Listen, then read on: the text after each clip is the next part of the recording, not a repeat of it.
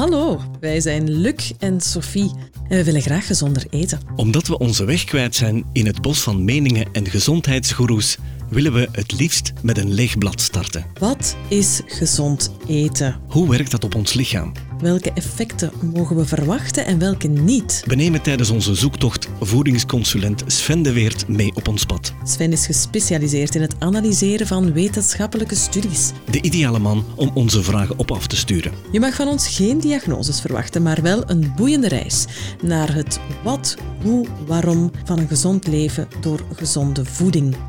Welkom bij Beetweters. Ik zit hier samen in de studio met Luc en Sven.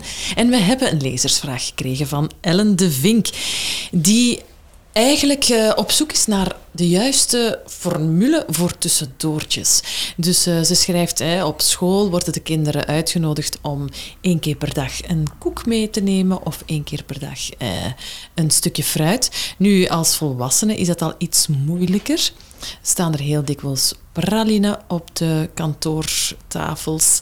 Um, en Ellen wil graag eens bij Sven polsen wat jij Sven aanraadt als gezond tussendoortje. Ben ik wel heel benieuwd, want bestaat dat wel een gezond tussendoortje? Ja, ik, ik, vraag het me ook af. Uh, ik denk wel dat gezonde tussendoortjes bestaan. Mm -hmm. uh, maar misschien eerst de vraag stellen van, is het nodig dat wij een tussendoortje eten?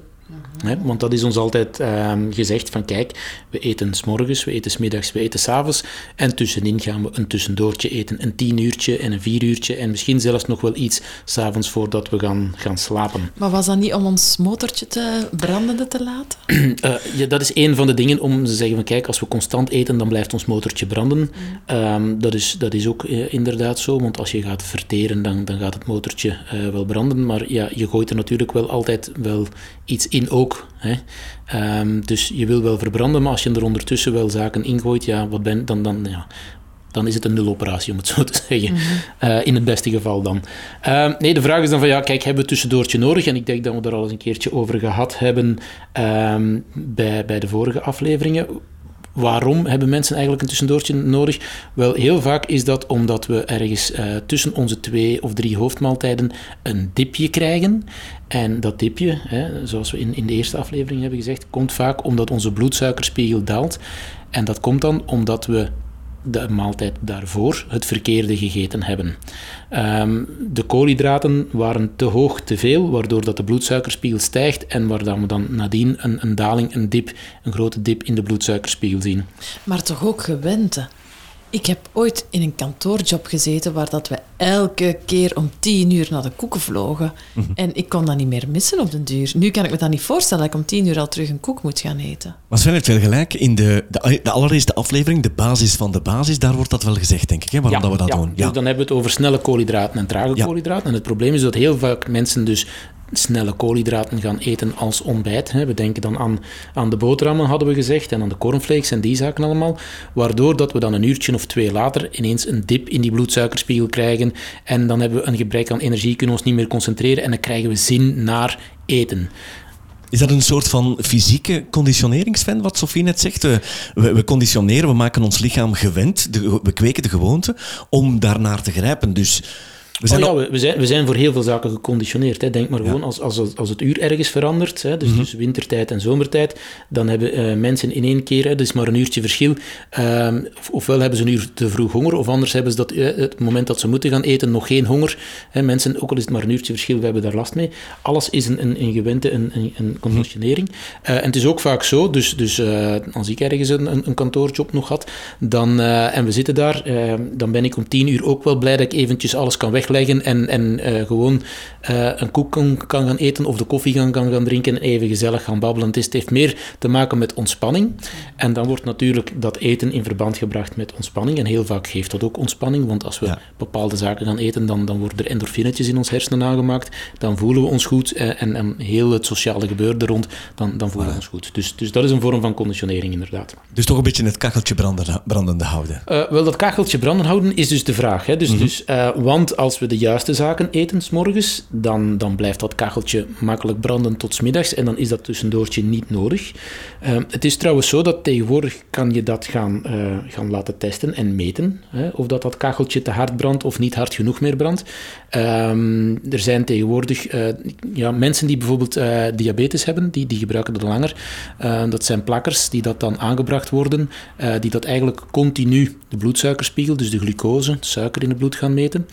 Um, dat wordt nu ook um, uh, gebruikt om mensen, voor, voor mensen uh, te laten zien wat de, het uh, verschil is of de verandering in levensstijl, wat dat kan doen. En hoe werkt dat dan? We brengen een sensortje aan uh, bij mensen, blijft twee weken uh, aan het lichaam, dus met een klein plakkertje met een naaldje in. Meet continu bloedsuikerspiegel ehm, en je kan dat via een app dan, dan volgen en dan kan je zien van, ah, ik eet morgens bijvoorbeeld mijn boterhammen met en dan kan je zien dat die bloedsuikerspiegel helemaal de hoogte inschiet een half uurtje later, um, naar rode waarden zelfs. Um, en dan kan je ook merken dat een uurtje of twee later dat je dan een serieuze dip krijgt. En um, de bedoeling is dan, als mensen dat een tijdje doen, hè, dus, dus eigenlijk het is een trajectje van twee weken. Mensen gaan dat een week doen. Wordt gewoon gevolgd die week wat mensen eten. Je moet dat elke keer noteren. Uh, dan kan je zien van, kijk, wat het effect is van, je hebt dat gegeten, wat is het effect op jouw bloedsuikerspiegel? En dan kunnen we gaan kijken van, hoe kunnen we die bloedsuikerspiegel nu gaan, gaan, gaan regelen? En dan, uh, dan kan je heel vaak mooie dingen zien. En dan merken mensen ook dat als ze de juiste zaken eten, dat je niet twee uur later een tussendoortje moet eten. En dan kan je ook gaan merken en gaan zien, als je toch een tussendoortje gaat eten, wat dan het juiste tussendoortje is. Ja, laat het ons daar eens over hebben. Ja, het juiste tussendoortje. Wel, um, de koek is al geen goed tussendoortje. Dus, dus nee. En ik weet, er wordt reclame gemaakt voor, voor ja, koeken die dat hoog zijn in vezels en zo. Dus hè, bijvoorbeeld de dinosauruskoeken en zo. Uh, wordt zelfs soms ja, en zo'n ballisto. Als, en ja. wat moesten we vroeger nog eten? Dus die zaken hoog in, in vezels. Of zelfs het ideale ontbijt. Dat bestaat uit choco sowieso. Maar er moet wel een glas melk bij zijn. En, ah, en, en nog een, een fruit. Uh, ja. ja. Ja. En een witte boterham ligt daar altijd Een witte boterham, ja. ja. Dus dat is niet waar, Sven? Uh, ja, er zit dan in die choco zitten ook twee hazelnoten ergens in gestopt. Dus ik, hè? Ja. Uh, nee, dus dan zien we wel dat de bloedsuikerspiegel serieus naar omhoog gaat. Um, nee, dus, dus als, we, als we het hebben over die, die tussendoortjes, dan zien we wel, dus als je die koek eet, dat dat absoluut niet goed is. Uh, je krijgt echt serieuze stijging van, van bloedsuikerspiegel, is echt het verkeerde. Um, eigenlijk is het zo, dus telkens wanneer we die koolhydraten, en vooral de snelle koolhydraten, dat is het grote probleem. Ideale tussendoortjes zijn zaken die dat vooral uh, eiwitten, vetten bevatten. En dan liefst uh, onverzadigd vet, dus plantaardig vet. En eventueel een kleine hoeveelheid koolhydraten. Of als het toch gewoon koolhydraten is, gewoon tragere koolhydraten. En dan denken we bijvoorbeeld aan fruit, maar aan kleinere stukken fruit. Bijvoorbeeld geen banaan. We zien als we een banaan eten als tussendoortje, dat je eigenlijk ook een serieuze stijging van, van bloedsuikerspiegel krijgt. En banaan, ik ga er wel bij zeggen, banaan is een heel gezond iets. Hè? Dus ik zou veel liever hebben dat mensen een banaan eten dan bijvoorbeeld een koek. Uh, maar het effect op bloedsuikerspiegel is wel hetzelfde, of dat je dan die koek eet of de banaan eet. Dus, maar wat zijn bijvoorbeeld wel uh, goede zaken? Dat zijn noten, zaden, uh, die dingen. Um, en als je dan toch een stuk fruit gaat eten, want bij fruit zien we ook wel dat die bloedsuikerspiegel een stukje gaat, gaat stijgen. Als je daar bijvoorbeeld eerst een beetje vetten gaat bij eten, bijvoorbeeld eerst een handvol noten, en je gaat dan bijvoorbeeld een appel of zo eten, dan zien we dat die bloedsuikerspiegel veel langer stabiel blijft en dat je dus veel langer doet en dat je dus uh, met dat tussendoortje uh, ook veel langer toekomt. Want je hebt nu toch ook van die granenrepen ja. waar noten en soms ook vruchten ja, het maar het probleem met de, de, de granenrepen is een beetje dat die samen, dus al die granen en al die pitjes en alles wordt dan samengehouden, uh, gewoonlijk door een hele hoop suiker. Uh, nu, als het suiker heel vaak dan in de, in, in de vorm van de gezonde suiker, zoals we dan zeggen. Dus bijvoorbeeld een hele hoop honing, maar het blijft wel suiker. dus of dat we nu de suiker of de honing gaan nemen, het blijft wel uh, suiker. Dus dan, dan, het is wel een granenreep. het wordt, wordt verkocht als, kijk, dit is, dit is gezond, maar het is een hele hoop uh, honing met daar een beetje pitjes en graantjes bij in. En dan zien we ook nog altijd wel dat die bloedsuikerspiegel redelijk naar omhoog gaat. Zou het een alternatief kunnen zijn om zelf bijvoorbeeld snickers te maken? Ik heb dat toevallig vorige week geprobeerd. Is het waar? Het is uh, valikant mislukt, maar uh, mijn intentie was er wel. wat doen? Een snickers maken? Ja, ja, ja. Ik, zag, ik zag op tv dat je dus uh, rijst stroop neemt. Je doet daar een beetje pindakaas bij. Dan heb je verbrokkelde of verkruimelde rijstwafels. Je doet daar geroosterde noten bij. Dus er kunnen alle noten in die je maar wil roosteren. Als je ze natuurlijk niet te bruin bakt, want dan is het ook niet oké. Dat mengsel dat zet je voor een, een, een uurtje in de koelkast. En dan idealiter moet daar een beetje gesmolten chocolade over. Maar wel chocolade van minimum 70% cacao. Ik heb dat geprobeerd. Ik heb alleen verkeerd verstaan dat de rijststroop best gekochte stroop is. Ik wou dat zelf maken. Ik eh, ben dat gaan opzoeken op het internet. Eh, rijst heel lang inkoken en dan wordt dat stroop. Maar dat, ik heb die stroop niet gezien.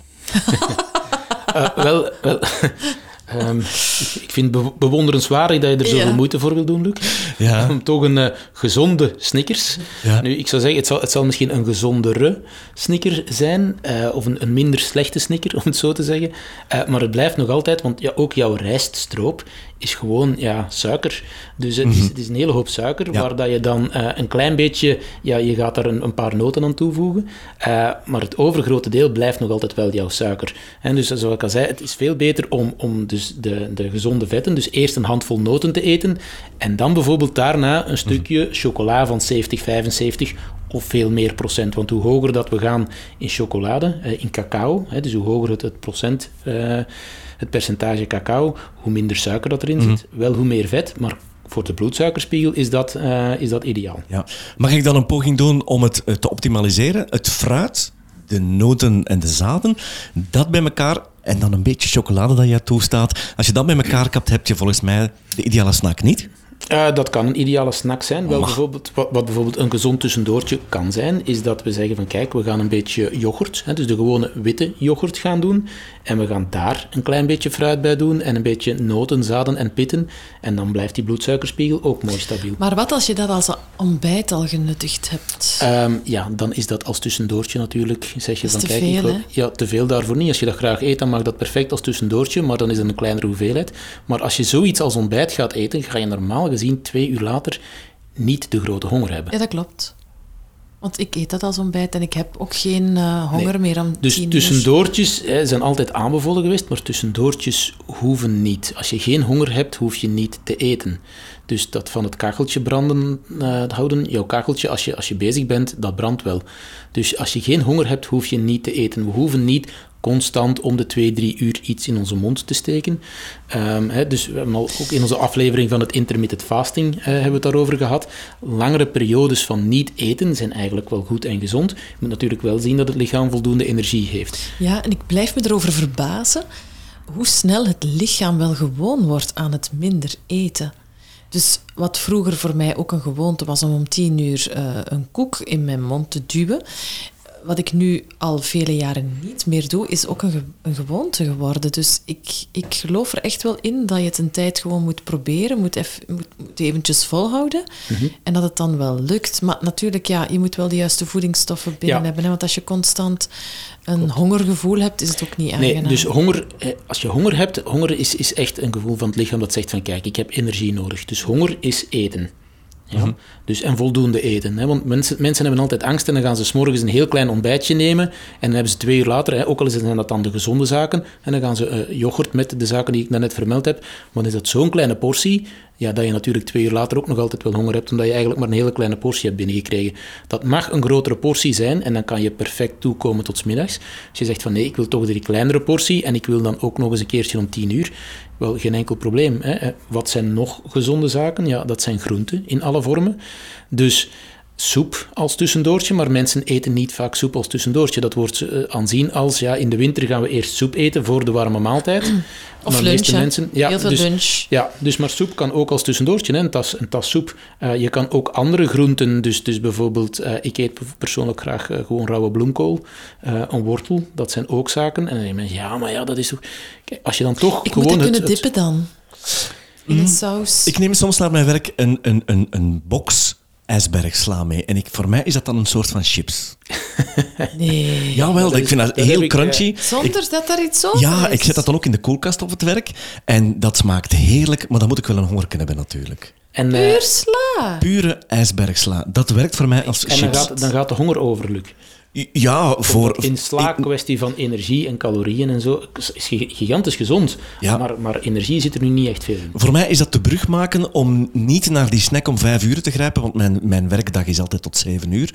Vermis ik voor televisiewerk. En dat, dat helpt mij naar zeven uur toe. Ja. Dus maar is het dan, gaat de honger over? Of is het eerder van ja, de, de, de zin in het eten dat je dan... Uh, dat ik zie dan heel veel mensen rondom mij naar die, naar die uh, andere snacks grijpen. Die gaan dan naar de automaat of die, de taart komt dan boven. En dat, als ik dan in mijn, mijn goede dagen zit, want ik heb ook mindere dagen natuurlijk, dan helpt dat wel. Ja, nu, ik wil even terugkomen op die snack van 10 uur. Helpt het ook, uh, Sven, ik herinner me dat je ooit eens gezegd hebt, een ontbijt nemen met, een, uh, met koolhydraten met een hele trage verbrandingsfactor. Ja. Daar kunnen we langer mee toekomen. Ja, dus, maar dus, hè, in die aflevering hebben we ook gezegd, door net vet en eiwit bij onze koolhydraten en, en groenten, dus vezels, bij onze koolhydraten te doen, gaan we die koolhydraten trager maken. Dus hoe meer eiwitten, vetten. Hè, dus en, en we weten bijvoorbeeld, als je dus dan toch bijvoorbeeld de boterham met choco zou eten of zou willen eten, als je daar eerst eh, bijvoorbeeld een paar honderd gram gewoon witte yoghurt hebt voorgegeten, dan gaat de reactie, dus de, de bloedsuikerspiegel, veel minder hard stijgen dan wanneer je eerst die boterham met choco zou eten uh, en dan nadien uh, pas de, de, het yoghurtje of zo zou gaan eten. Dat heb ik inderdaad geleerd, want ik heb na het eten, na een gezonde maaltijd, meestal zin in iets heel klein zoet. Ja. Maar ik heb dus geleerd, eet het dan direct mee, direct na je maaltijd, dat het bij wijze van spreken nog in het geheel mee opgenomen wordt. Nee, als, jouw, als jouw maaltijd voldoende is. eiwitten en dus, dus uh, gezonde vetten bevat, dan, dan gaat dus de bloedsuikerspiegel veel minder hard stijgen en dan kan je daar veel, minder, veel langer mee toekomen. En dan is dus dat tussendoortje niet nodig. En als we toch dat tussendoortje nodig hebben, ja, dan zijn het vooral dus de zaken, de eiwitjes, um, de, de, de gezonde vetten en de vezels, die ervoor zorgen dat, de, ja, dat zijn de gezonde tussendoortjes. En dat vinden we terug, noten, zaden, pitten, fruit, um, uh, eventueel een yoghurtje, maar dan is dat een gewoon wit yoghurtje en niet de yoghurt met aardbeien smaak die dat dan vol met, met suiker zit. Hè. Dus die zaken liever niet. En dan zou ik toch een vriendelijke verwijzing willen maken naar onze specials die we ooit gemaakt hebben vorig jaar. Aflevering 2, 3 en 4. Die eh, zoomden in op de koolhydraten, de eiwitten en de vetten. Als je daar meer wil over weten, we hebben een special gemaakt die enkel en alleen daarover gaan. Ja. Uh, Cathy heeft ons een mail gestuurd. Sven, en die zegt: Ik miste een beetje de voordelen van rijstolie in de aflevering over oliën omdat het blijkbaar een hoog rookpunt heeft en het is uh, heel goed te verhitten. Ja. Maar daar ken jij nu toch alles van, Luc? Ja. Rijststroop Ja, is volgens mij niet hetzelfde dan rijstolie. Ik eet heel graag rijst, maar Ja. die rijststroop dat ga ik niet meer zelf maken. Ik ga dat de volgende Nee, keer dus kopen. de, rijst, de rijststroop is inderdaad ja, gewoon suiker, een suikervervanger. Hè. Ja. Een, een gezondere suikervervanger, zeggen ze dan. Maar het blijft wel suiker. En ik heb trouwens hele goede herinneringen aan rijst. Hè. Mijn beloofde land is Indonesië. En ik heb daar de boeboer ontdekt, wat eigenlijk rijstpap is. Maar niet de rijstpap van de oma die wij hier kennen. Het is daar lang gekookt, en dan bedoelen ze vier, vijf en langer Mhm. uren rijst inkoken. En dat is heerlijk van smaak. Ja. En zit er dan ook bruine suiker op? Nee. Nee, daar kan je daar krijgen. Ofwel is het met kip, ofwel is het met vis. Ofwel, Ja. Eh, er, zijn, er zijn echt boeboer-restaurants in Indonesië. Nee, goed. De rijstolie is iets anders dan jouw rijststroop, Luc. Eh, de rijstolie is, is, een, is een goeie. Eh, we hebben het daar in, in die aflevering, denk ik, gehad om ehm, alternatieven om, eh, om te gaan, gaan bakken en te gaan, eh, gaan kokerellen. Ehm, en zoals men ze, ze- de luisteraar er zegt, van kijk, heeft een heel hoog rookpunt.